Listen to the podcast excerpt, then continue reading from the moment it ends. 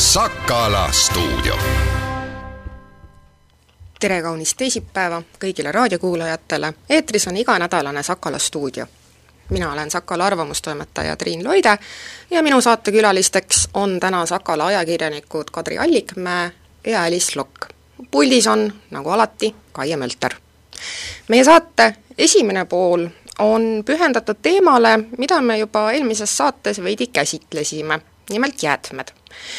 eelmisel nädalal keskendusime siis peamiselt sellele, kuidas Eesti Keskkonnateenused sõlmis kliendiga lepingu, millega pakuti teenust, mida tegelikult ei pakuta ja müüdi kliendile pakendite konteiner, mis tegelikult ei olnudki justkui pakendite konteiner, ja mõtisklesime üldisemalt hajaasustuse, regionaalpoliitika, jäätmemajanduse ja kõige sellise ühildamise peale. täna keskendume selle küsimuse ühele teisele tahule, nimelt sellele, et kuidas neid jäätmeid üldse vähem tekiks.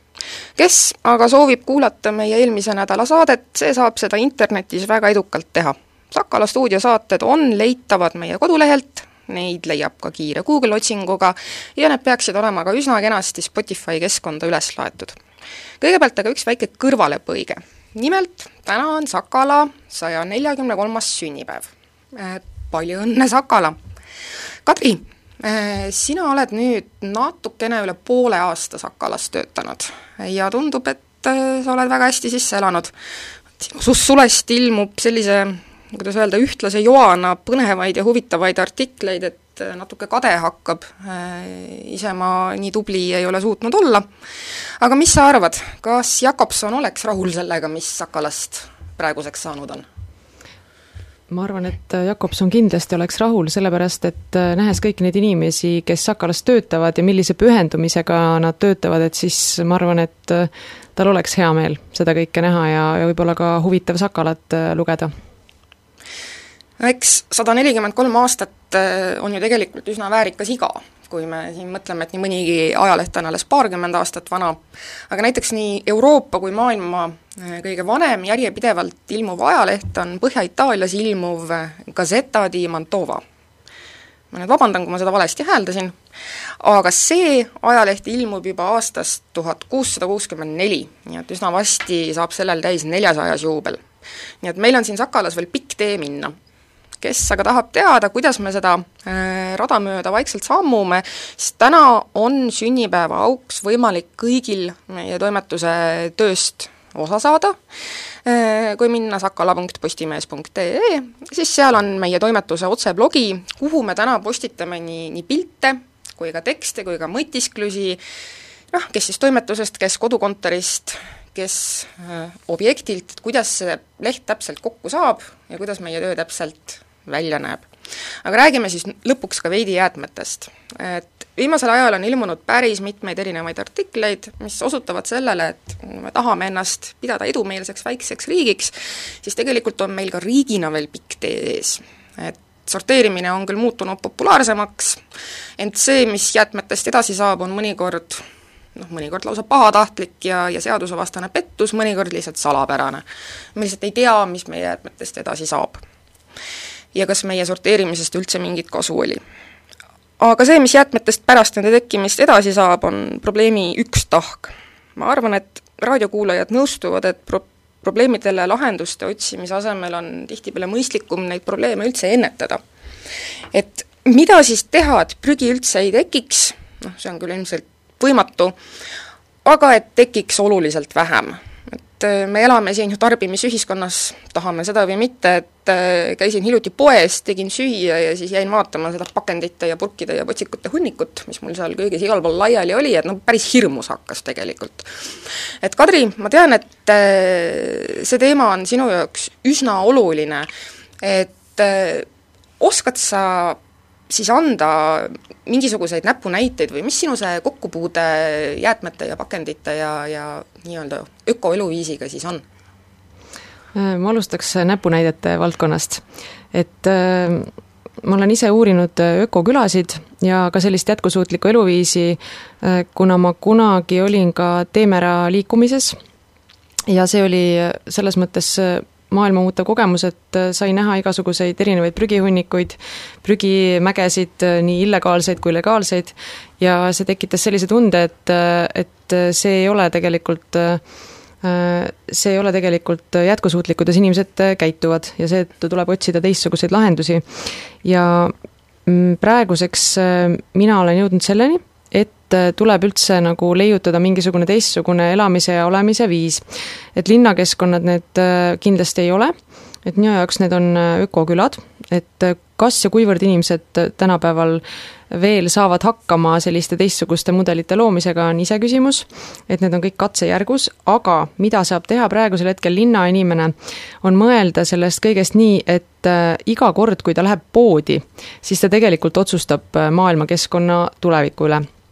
Sest äh, poe valikute kaudu ta saab väga palju mõjutada seda, äh, kui palju prügi juurde tekib või ei teki. nii et siis esimene küsimus on, et kas minna poodi. siis äh, esiteks peaks enda käest küsima seda, et kas minna poodi, et kas on võimalik sinna poodi minekut vältida. et minu kogemus ütleb, et tegelikult paljudes küsimustes on võimalik seda teha, on võimalik näiteks juurviljad tellida mõne kohaliku taluniku käest kastiga, on võimalik Äh, teha ka näiteks ühistellimus koos oma sõpradega, siis on see logistiline jalajälg veel väiksem, äh, tellida ära mingisugused põhijuurviljad, juba see vähendab seda äh, kohustust minna justkui poodi nagu hästi tihti. Kui on mingisuguseid teistsuguseid tooteid, ka neid tegelikult, ka igasuguseid piimatooteid on võimalik tellida, Eestis on juba päris palju ka väiketootjaid, mahetalunikke, erinevaid selliseid talusid, kes selliste asjadega tegelevad, on olemas ka mahepoode nii, okei okay., kui on otsustatud, et nüüd äh, ikkagi peaks sinna poodi minema, siis järgmine küsimus on see, et kuidas sinna poodi minna. et äh, üks asi oleks nagu mõelda see, äh, nii, et, et mul on nüüd iga kuu mingisugune konkreetne summa rahast, raha tänu oma palgale ja ma iga nädal kulutan siis nii ja nii palju raha. ja, ja saan minna ja osta neid ja neid asju. ja lähen lihtsalt poodi igal õhtul, kui mul on vaja süüa teha ja, ja lihtsalt teen seda. teine võimalus on mõelda ette nagu läbi, et äh, okei okay,, mul on vaja õhtul süüa teha, kas ma saan äh, seda süüa teha niimoodi, et ma neid pakendeid reaalselt äh, ei kuluta ja ei, ei tooda juurde, on ju, et kui ma tahan näiteks teha ma ei tea, kanalihakastet, et kuidas teha nii, et ma saaksin selle, selle osta ka ilma selle pakendita, on ju. siis tegelikult, kui nagu juba võtta selline siht ette, et ma, ma võin seda prügi ka vältida, on olemas pakendeid, äh, mis on taaskasutatavad, millega sa saad tegelikult poodi minna, kui need on puhtad. ja poed ei tohi tegelikult ka keelduda äh, sul minna oma pakendiga sinna poodi minema. et äh, kuskil ei ole kirjas, et nad ei tohi seda pakendit, nii-öelda sinu käest tulevat pakendit võtta vastu, on olemas klaaspakendid, on olemas plastpakendid erinevad, mida saab taaskasutada nii, on võimalik äh, minna siis poodi, aga on võimalik ka minna näiteks turule ja osta mõned asjad ära juba mitmeks päevaks. ja siis ei ole sul vaja poest võtta ei paberkotti, kilekotti ega ka võib-olla riidekotti, et sa saad näiteks panna asjad äh, võib-olla korvi, äh, ilusasse punutud korvi, mille võib-olla on teinud näiteks mõni sinu kohalik käsitööline et siis ühesõnaga kokkuvõttes ikkagi kaks küsimust. Äh, esiteks, kas minna poodi, kas on äkki võimalik mingisuguseid tooteid äh, kas ise oma perega või sõpradega ühiselt tellida, äh, mõnelt kohalikult talunikult, mis toetab ka siis kohalikku majandust kindlasti ja väiketootjaid, ja teine asi on see, et kui, kui ikkagi minna poodi, kas ikkagi peab seda toodet tarbima pakendiga või pakendita, iga juurvilju, puuvilju saab tegelikult panna võrkkottidesse, saab ka näiteks vanadest võrkkardinatest sellise koti ise teha, kes ei taha osta, äh, on võimalik ka kilekotti korduvalt kasutada, et seda ei pea nagu iga kord uuesti ostma, eriti kui tema kasutusiga on kakskümmend minutit maksimaalselt, et, äh, et siin on nagu need asjad, lihtsad asjad, millega tegelikult inimene saab väga palju seda prügikogust vähendada. ja see on meie kõigi valik. No suuresti on see pakendite küsimus ka selles, et inimene on ju hästi mugav selline olend ja loom. et äh, on sul mingeid mõtteid, et kuidas saaks nende pakendite tarvitamise inimesele võimalikult no kuidas siis öelda, ebamugavaks teha, et see on, see on ju ka täiesti selline noh, tänapäeva maailmas võib-olla natukene veider äh, mõte, et noh, et kliendile peab ju kõik olema võimalikult kiire ja mugav ja, ja, ja odav ja nii edasi, et äh, ma mäletan, et äh, siin alles mõni aeg tagasi hakkasid poed loobuma nendest ühekordsetest kilekottidest, mis üsna vabalt olid seal kassades saadaval, ja see tekitas üsna palju, kuidas öelda, ähm, vastumeelsust või, või, või, või, või isegi nagu vastuhakku, et äh, millised sellised sammud võiksid veel olla, et äh, kas tuleks noh, klaastaaraga on meil ju tegelikult selles mõttes ja, ja, ja plasttaaraga on üsna hästi, et me maksame päris suurt no seda noh, taarapanti äh,, pudelipanti, et äh, kas seda joont saaks võib-olla äkki, mis te arvate, nagu veel kuidagi rangemalt või, või, või rohkem nagu üle võlli ajada, et noh, et näiteks kui see pudelipant oleks viis korda kõrgem praegusest, siis oleks ju veel kindlam, et inimesed äh, nendega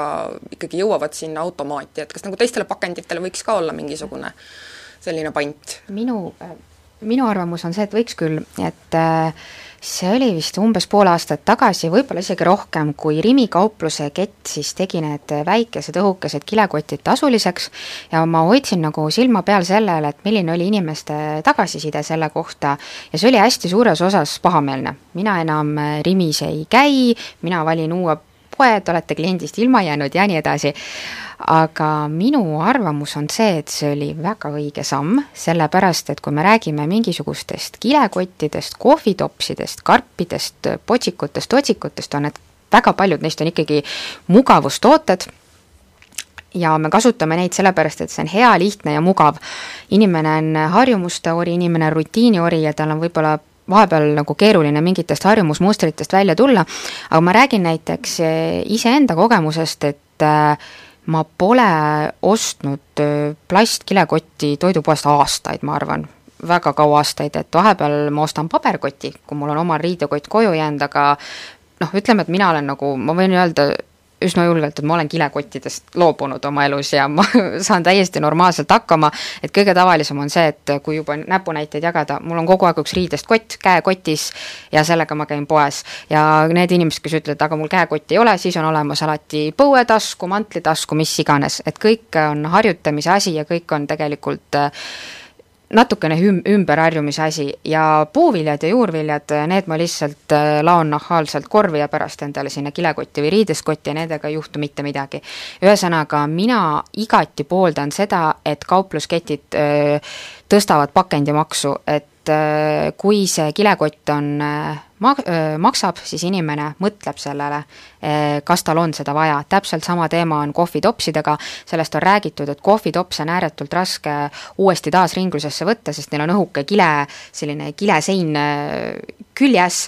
et kohvitops ei lekiks ja seega neid raske ümbertöötlusse võtta, aga see on ju meeletu arv kohvitopsu, kui palju me kasutame igapäevaselt, et jällegi hakkad seda oma kohvitermost autos kaasas kandma ja jälle jäätmeid on vähem. et hästi paljud asjad on harjumise asjad, puhtalt harjumise asjad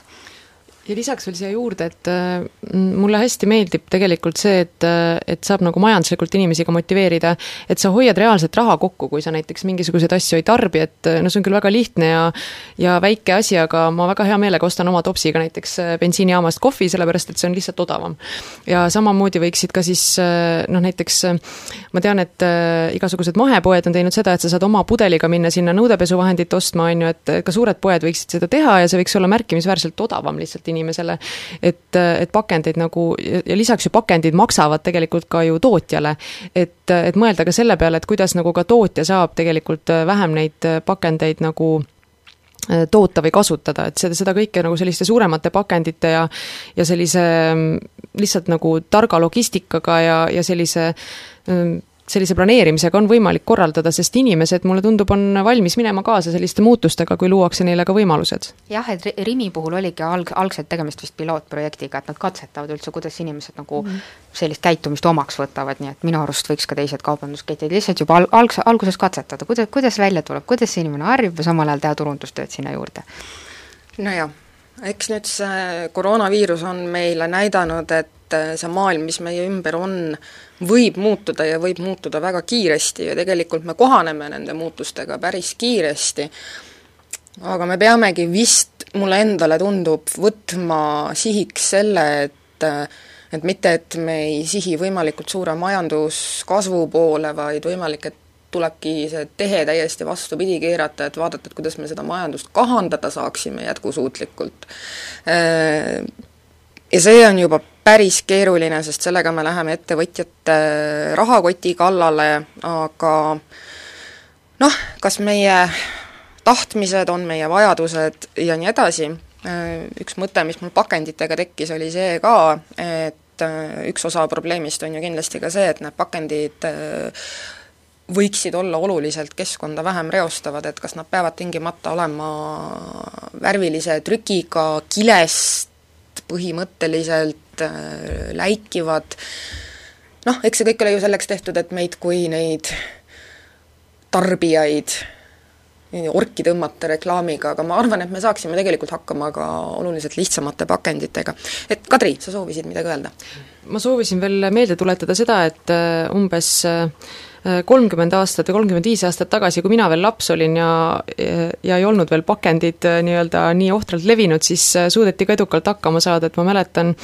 äh, mina elasin Tallinnas Nõmmel ja seal oli üks juurviljapood, kust sai selliste paberpakenditega juurvilju endale võtta. Ja siis oligi, vanaema pani ka korvi lihtsalt aeg-ajalt neid ja käisime hästi palju turul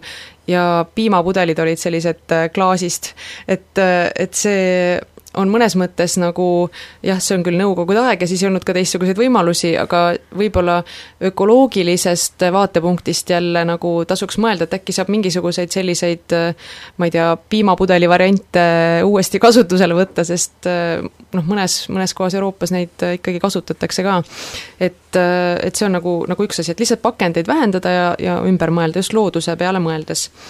sest mulle tundub, et see jäätmemajandus jääbki nagu keeruline olema ja see, see on räpane äri ja see on läbipaistmatu ja seda on nagu raske, raske teha selliseks, nagu ta meile meeldiks. aga teine mõte, mis mul oli, on see, et äh, ma olen käinud mitmetes ökokülades Euroopas, neid on äh, kolmsada viiskümmend kaheksa praeguse seisuga, maailmas on neid tegelikult tuhandeid aga üks äh, mõte võib-olla, mida saab kasutada ka linnakeskkonnas, saab igal pool ka väiksemates kohtades kasutada, on see, et äh, mõelda just äh, selle peale, et kuidas ma saaksin teha koostööd enda naabritega, et praegu see on võib-olla keerulisem, aga just nimelt nagu tõesti mõelda ka selle peale, et äkki mul on mõni naaber, kellel on kuskil maal mõni tuttav, kes toodab, kes näiteks kasvatab juurvilju, või on äkki see minu enda naaber või mina ise kasvatan midagi, kas ma saan enda kogukonnale, en-, ennast ümbritsevale kogukonnale kogukonnal olla kasulik, näiteks äh, läbi oma tegude. ja see nagu ei aita mitte ainult siis nii-öelda seda ökoloogilist äh, aspekti, vaid on siis ka kellelegi majanduslikult kasulik ja ka sotsiaalselt inimesi ühendav. et äh, see on hästi-hästi oluline ja ma arvan, et üks asi, mida inimesed saavad noh, Viljandi suuruses linnas kindlasti teha, paljud, kes elavad võib-olla vanalinnast väljaspool, saavad seda eriti teha, on kasvatada ka mingil määral enda toitu ise. jah kogukondlikkus on oluline, aga nüüd on veel esimese saateaja lõpuni mõned minutid jäänud, et Alice, äkki sa äh, räägiksid kuulajale paari sõnaga ühe artiklist, mis tänases Sakalas ilmus ja mis räägib ühest täiesti noh, minu jaoks äh, uuest prügiliigist äh, nimega digiprügi. mis asi on digiprügi? Äh, jah, et äh, digiprügi näol on siis tegemist meie äh, seadmetes olevate vanade andmetega, mida me ei kasuta, aga kus see probleemkoht on, on siis see, et kõik need andmed on, tekitavad CO2, et siis eh, ehk süsi, süsihappegaasi ja see kahjustab meie keskkonda, et nimelt siis, kui me saadame välja e-kirja või teeme pilti telefoniga, mis läheb siis pilve, siis see tekitab CO2 eh, ja ütleme siis saastab meie keskkonda. aga keeruliseks teebki asja see, et eh, me ei, me ei, me ei näe seda ju, me ei, me ei näe visuaalselt seda prügi ja seega tundub, et nagu seda justkui ei ole olemas ja see on nüüd asi, millega, millele on tähelepanu pööratud viimased paar aastat, et Eestis on kolm korda tehtud digikoristuspäeva, kus siis on kutsutud inimesi üles oma vanu andmeid kustutama ja ka teist korda toimus siis ülemaailmne eh, digi, digiprügi koristamispäev. ja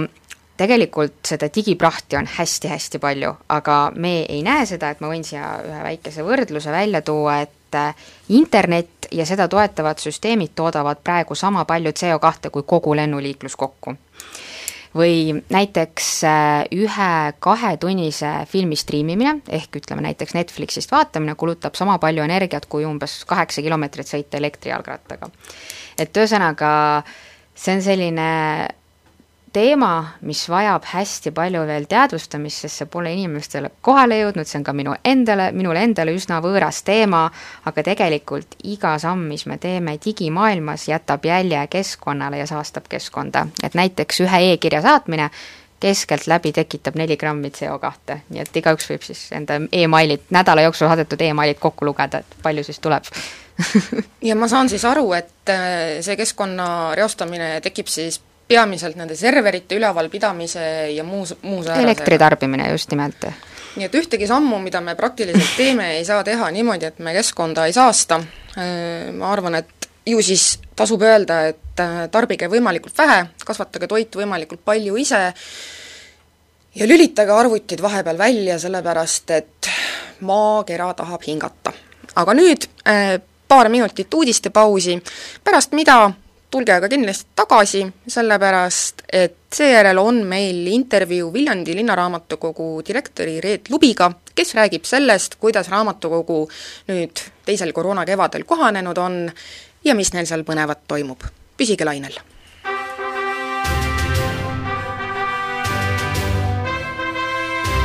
Sakala stuudio ja tere taas kõigile raadiokuulajatele, minuga on nüüd telefonitsi ühinenud äh, Viljandi linnaraamatukogu direktor Reet Lubi. no tere, Reet! väga kahju, et äh, me ei saanud silmast silma kohtuda, aga ajad on sellised. Äh, koroonaviiruse piirangud tabasid ka raamatukogu, et võib-olla räägite paari sõnaga, et kuidas on raamatukogu praeguste oludega kohanenud? Oleme kohanenud nii, nagu kõik teisedki asutused. olud sunnivad, siis tuleb inimestel ikkagi kõike pakkuda, mis meil võimalik pakkuda on. et kõik tavapärased teenused, nii avaliku intermu-, internetipunkti kasutamine kui raamatute laenutus ja nõustamine, see kõik toimib nii nagu tavaliselt, lihtsalt väiksemas mahus ja inimesi saame sisse lubada ainult piiratud hulgal ja ainult esimesele korrusele. aga muidu, muidu toimetame nii nagu tavapäraselt äh, kuidas see praegune kevad äh, nagu eelmisest erineb, et äh, noh, eks kindlasti eelmisel kevadel see eriolukord ja koroona tuli ikka nagu väga ootamatult, et nüüd on olnud nagu aega valmistuda. et kas sellest valmistumisperioodist on mingi, mingi abi ka olnud? Jaa, loomulikult on, sest eh, palju teadmatust oli eelmisel kevadel, mis praeguseks on selgeks saanud, sest eh, paljud tööd, mis me tegime tookord teadmatuse tõttu, jääb sellel korral ära, sest näiteks ei ole meil enam vajadust hoida raamatuid eh, seitsekümmend kaks tundi karantiinis, sest Terviseamet on öelnud, et raamatutelt ei levi viirust enam ja sellega seoses on väga palju kevadi, eelmise kevade tööd siis, eh, mida me ei pea enam sellel korral tegema. ja saame keskenduda siis eh, teistele teenustele, mida me inimestele pakume aga rääkige nendest eh, teenustest võib-olla lähemalt, et kui me siin eel-, esimeses saate pooles natuke peatusime sellel, et täna on Sakala saja neljakümne kolmas sünnipäev, siis tegelikult on ju ka Viljandi linnaraamatukogul tulemas saja kümnes sünnipäev, mis on peaaegu sama väärikas, iga juubel veel pealekauba, et äh, millised teenused teil siis seal äh, praegu üleüldse nagu kättesaadavad on, eks, eks palju on digisse kolinud ja mis üritused teil tulemas on? Ma võib-olla alustan äh, niipidi, et äh, läheme nooremast äh, külastajast siis vanemani, et meie viktoriinid, nii kultuurikonksuke, mis on mõeldud teisest kuni neljanda klassini, on kolinud veebi. ja viktoriin, mis 5L, mis on mõeldud viienda kuni seitsmenda klassi õpilastele, on samuti kolinud veebi. ja kolmanda saali laste ja noortekirjanduse saali sünnipäevategevused, mis meil olid paljud küll planeeritud kontaktsena, oleme nüüd siis ümber planeerinud ja viinud nad veebi. näiteks äh, märtsis äh, ootame kõigilt äh, lastelt ühe tähe juttu või luuletust ja kuu lõpus valime siis kõigi vastanute vahel välja auhindu mis on siis sellised väikesed sünnipäevameened. mida raamatukogu on teinud. siis traditsioonilised äh, on näiteks meil põhikoolide mälumäng Pähklipureja, mis äh, sellel hooajal toimub siis viieteistkümnendat korda ja mis pidi toimuma meil kontaktsena neljateistkümnendal aprillil, kolib ka veebi, sest äh, suure tõenäosusega mingit kontaktsust me endale neljateistkümnendal aprillil veel lubada ei saa. täpselt samamoodi vabariiklik lasteraamatupäeva kirjandusmängu maakondlik voor äh, kolib meil veebi ja selle kirjandusmängu võitja võistkond äh, läheb siis osalema Tallinna Eesti Lastekirjanduse Keskuse võistlusele. kahekümne neljandat korda toimub meil sellel kevadel noorte omaloominguvõistlus, mis on mõeldud viieteistkümne kuni kahekümne ühe aastastele Viljandi maakonnas elavatele noortele, kelle erinevates žanrides loomingut eesti keeles ootame kuni kahekümne viienda aprillini. siis on meil sellel aastal raamatukogus koostöös Ameerika suursaatkonnaga Fulbrighti stipendiaat Ruudi, kes äh, korraldab äh, väikese inglisekeelse esseede kirjutamise võistluse gümnaasiumiõpilastele, mille tähtaeg on kahekümne kuues aprill. samuti korraldab vabatahtlik siis äh, veebivestlusklubi koos teiste Eestisse tulnud Fulbrighti stipendiaatidega ja need äh, kohtumised toimuvad siis veebis, täpsem info nii raamatukogu veebilehelt kui Facebooki lehelt. ja selleks, et äh, inimestel oleks võimalus ka paremini võib-olla enda inglise keele oskust lihvida, siis Viljandi stipendiaat teeb ka üks-ühele inglise keele tunde kõigile huvilistele ja praegu need samuti siis eh, olude sunnil kolinud veebi. Siis pakume kõigile meie lugejatele raamatukogu sünnipäeva puhul igakuist lugejamängu, kus raamatukogu igal kuul eh, kuulutab välja mingisugused ülesanded, mis on seotud lugemise, kirjanduse või raamatukoguga. ja näiteks märtsikuu lugejamängu ülesanne on saata pilt oma lemmikraamatust ja kirjutada juurde, miks just see raamat on sinu lemmikuks saanud. Samuti valime siis äh, vastajate vahel välja auhindu. ja lugemisbingo on üks selline pikk projekt, mis meil sünnipäeva aasta puhul on, mis kestab siis veebruarist kuni novembrini ja sellega võib äh, igal ajal kuni novembrini liituda äh,. ja see toimub siis kõigile, kel lugemine on selge see on selline humoorikas võtmes koostatud lugemisbingo mänguleht, kus eh, on vaja lugeda erinevatel teemadel raamatuid. ja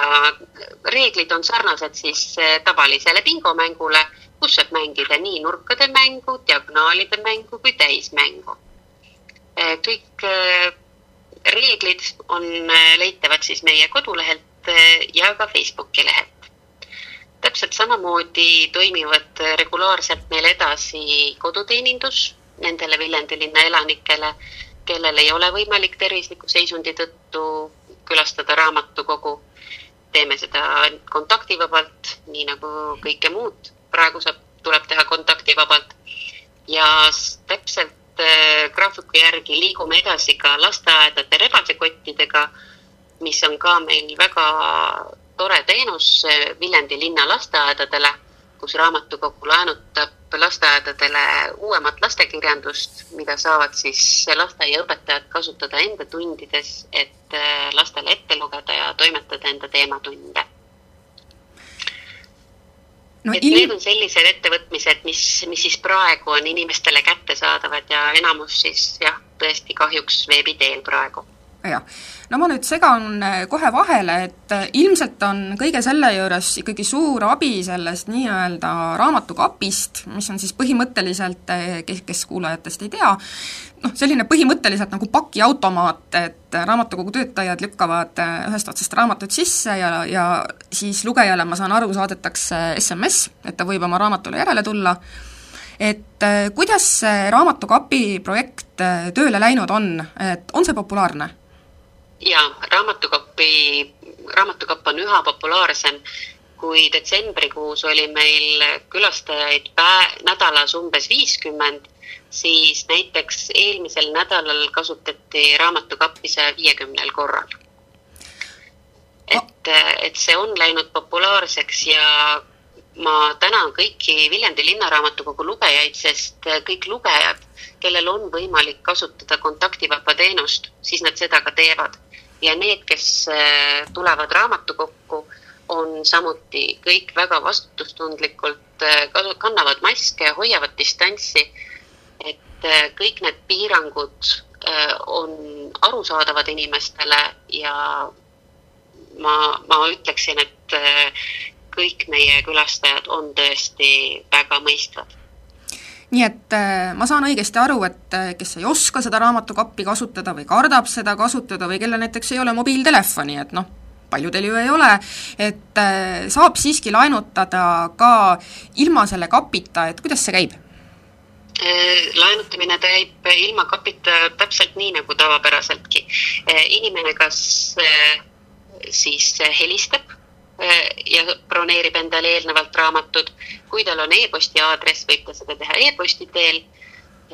Ja need, kes oskavad kasutada iseteenindust lugeja.ee portaalis, saavad sealtkaudu endale raamatut broneerida. broneeritud raamatud äh, viivad meie töötajad esimesele korrusele, raamatukogu infoletti ja sealt saab inimene siis enda eelnevalt äh, broneeritud raamatut kätte jah, no raamatukogu juba nimi äh, viib ju mõtted paratamatult äh, raamatutele äh,, seal riiulite vahel käimisele ja ja, ja muule sellisele, aga kui ma siin seda intervjuud ette valmistasin, siis mul liikus mõte vägisi sinna, et ma tean, et vähemalt äh, äh, välismaal on tegelikult üsna tavapärane see, et, suuremates raamatukogudes saab laenata ka näiteks filme või arvuti- või videomänge või muusikute albumeid, et äh, kuidas sellega raamatukogus lood on, kas midagi sellist on juba võimalik seal teha või on plaanis teha? Ja Viljandi Linnaraamatukogus saab ka muusikute albumeid laenutada, need on meil täiesti teises saalis olemas. lihtsalt praegusel hetkel on nende otsimine kataloogist võib-olla inimestele veidi keerulisem, aga saab alati helistada ja küsida. meie töötajad alati on nõus nõustama ja filme saame laenutada inimestele ainult neid, milleks neil on õigus, sest äh, on mitmeid filme, mille laenutamiseks meil õiguseid ei ole. Ja selle kohta saab ka äh, raamatukogu hoidjatelt küsida infot nii telefoni, meili kui eh, siis ka iseteenindusest vaadata. Aga no sünnipäev viib ju paratamatult mõtte, et ikkagi noh, osaliselt minevikule, aga kindlasti ka tulevikule, et ka meie siin Sakalas mõtleme ja oleme juba päev otsa mõelnud, et kuidas me saaksime oma lehte ikka paremini teha, et äh, maakonna elanikel ja miks mitte ka teistest maakondadest pärit lugejatel äh, oleks ikkagi võimalikult niisugune hea ja kvaliteetne ja mitmekülgne äh, maakonnaleht võtta,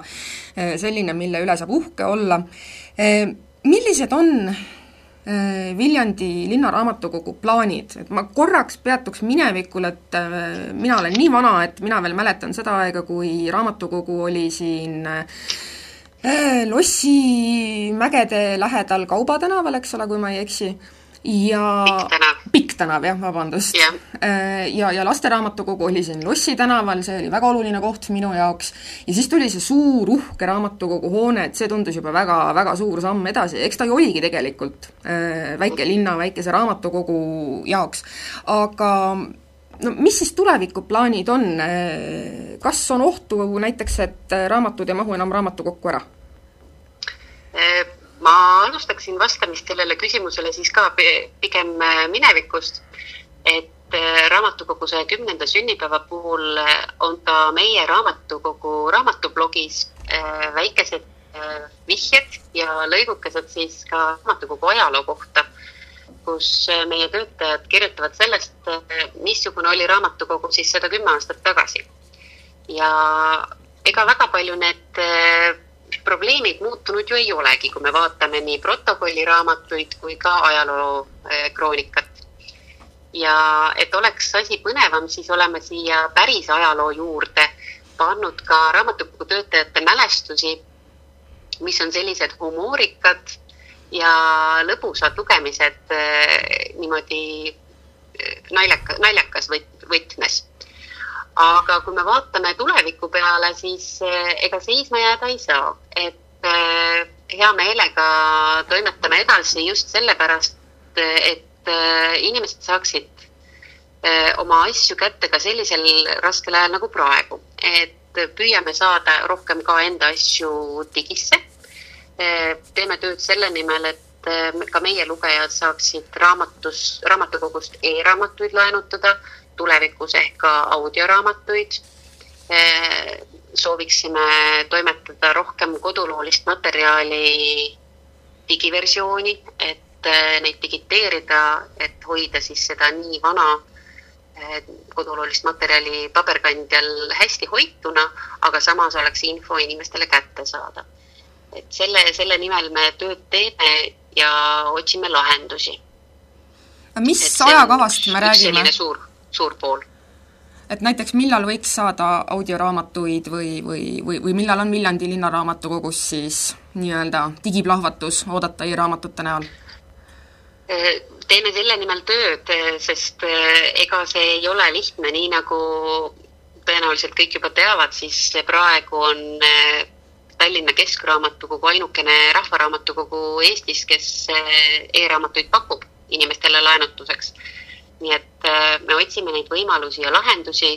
ja loodame, et e-raamatud jõuavad meie lugejateni meie raamatukogust juba selle aastanumbri sees. Eh, võib-olla selline küsimus, et noh, need digilahendused siin koroona ajal on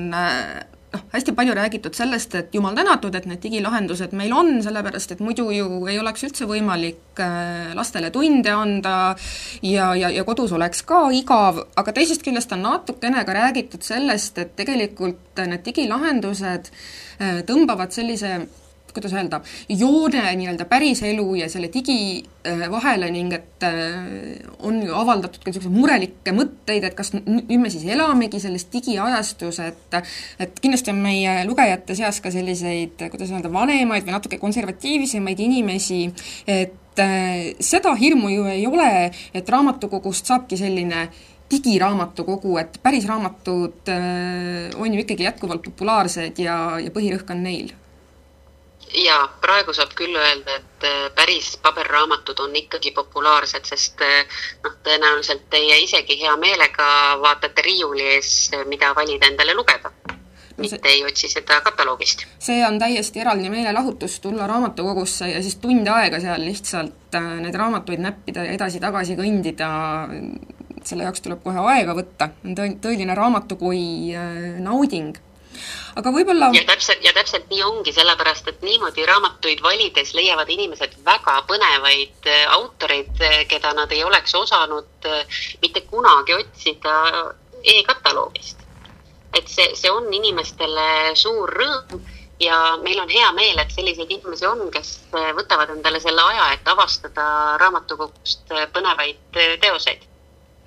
jah, aga sina oled nüüd noh, teie olete aastaid äh, raamatukogudes töötanud, äh, ma veel mäletan äh, seda aega, kui ma olin õpilane ja sina töötasid tollal Viljandi Maagümnaasiumi kooliraamatukogus, et sa ilmselt oskad vaadata natukene seda aega, et kas inimesed on hakanud vähem lugema või rohkem lugema või noh, see on ju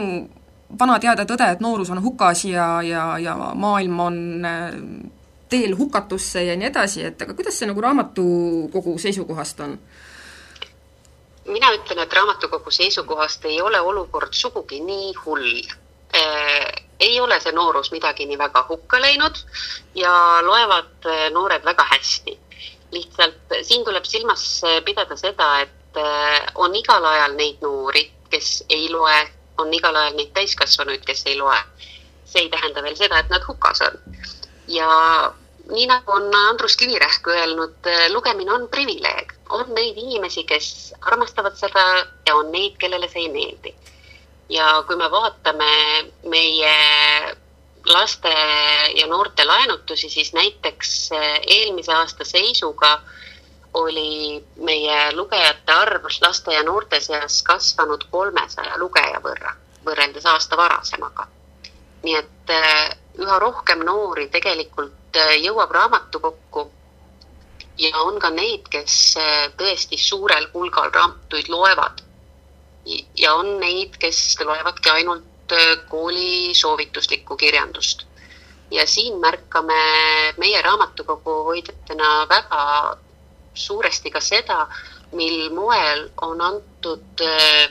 noortele siis võimalust äh, valida, milliseid raamatuid lugeda. Mida suuremad valikud noortel on, seda meelsamini nad ka raamatuid loevad. sest aastas ilmub umbes kakssada laste ja noorte raamatut eesti keeles ja kindlasti on nende seas raamatuid, mis eh, noorele meeldib. aga kui seda ei ole tema soovitusnimekirjas, siis seda küsida ta ju ei oska tihtipeale. Ja, ja siin ongi meil suur rõõm just nende õpetajate üle, kes annavad enda õpilastele pikki soovitusnimekirju ja ütlevad, et valige siit ja siis on juba raamatukogu hoidjal palju lihtsam öelda, et kui sulle see raamat ei meeldi, tule palun tagasi, leiame siit nimekirjast sulle mõne järgmise. et, et kõigile leidub raamat, lihtsalt küsimus on see, kuidas see hästi üles leida. Aga mida suuremad on valikud, seda suurem on ka tõenäosus, et selle raamatuni jõutakse. no just ja siis mul tekkis veel võib-olla selline küsimus, et kas see ärev ja, ja, ja, ja, ja stressirohke aasta, mis meil nüüd kõigil selja taga on, et noh, võimalik, et praegu on liiga vara veel mingeid järeldusi teha äh,, aga kas inimeste lugemisharjumused on selles mõttes kuidagi muutunud, et kas see, mida laenutatakse, on muutunud, et näiteks tervisealaseid teoseid äkki laenutatakse rohkem või, või äkki hoopis laenutatakse süngemaid teoseid rohkem või otsitakse pigem just helgemaid elamusi? ütleme niimoodi, et sellist väga suurt muutust ei ole, aga olgem ausad, eneseabiraamatud on juba viimastel aastatel olnud väga populaarsed ja ega see ei ole muutunud ka praeguse kriisi ajal aga ei saa tuua siis sellist äh, mingi teema puhul väga suurt muutust küll esile. et äh, laenutatakse ikkagi seda, mida armastatakse lugeda ja on see siis kriisiaeg või mitte, inimesed ikkagi naudivad seda, mis neile meeldib. aga selge. Äh, Reet Lubi, suur aitäh, et te leidsite aega meiega siin ühinemast ja natukene raamatukogu tööst pajatamast. ma väga loodan, et me juba üsna varsti saame ka silmast silma kohtuda ja rääkida kõigist nendest põnevatest sünnipäevaüritustest, mis teil plaanis on lähemalt. aitäh, Reet Lubi, meie saade on selleks nädalaks lõppenud, juba kuidas seal Pealtnägijas öeldaksegi, tund aega vähem kui nädala pärast, kohtume uuesti ja siis juba uute põnevate teemade ja intervjuudega. aitäh kuulamast!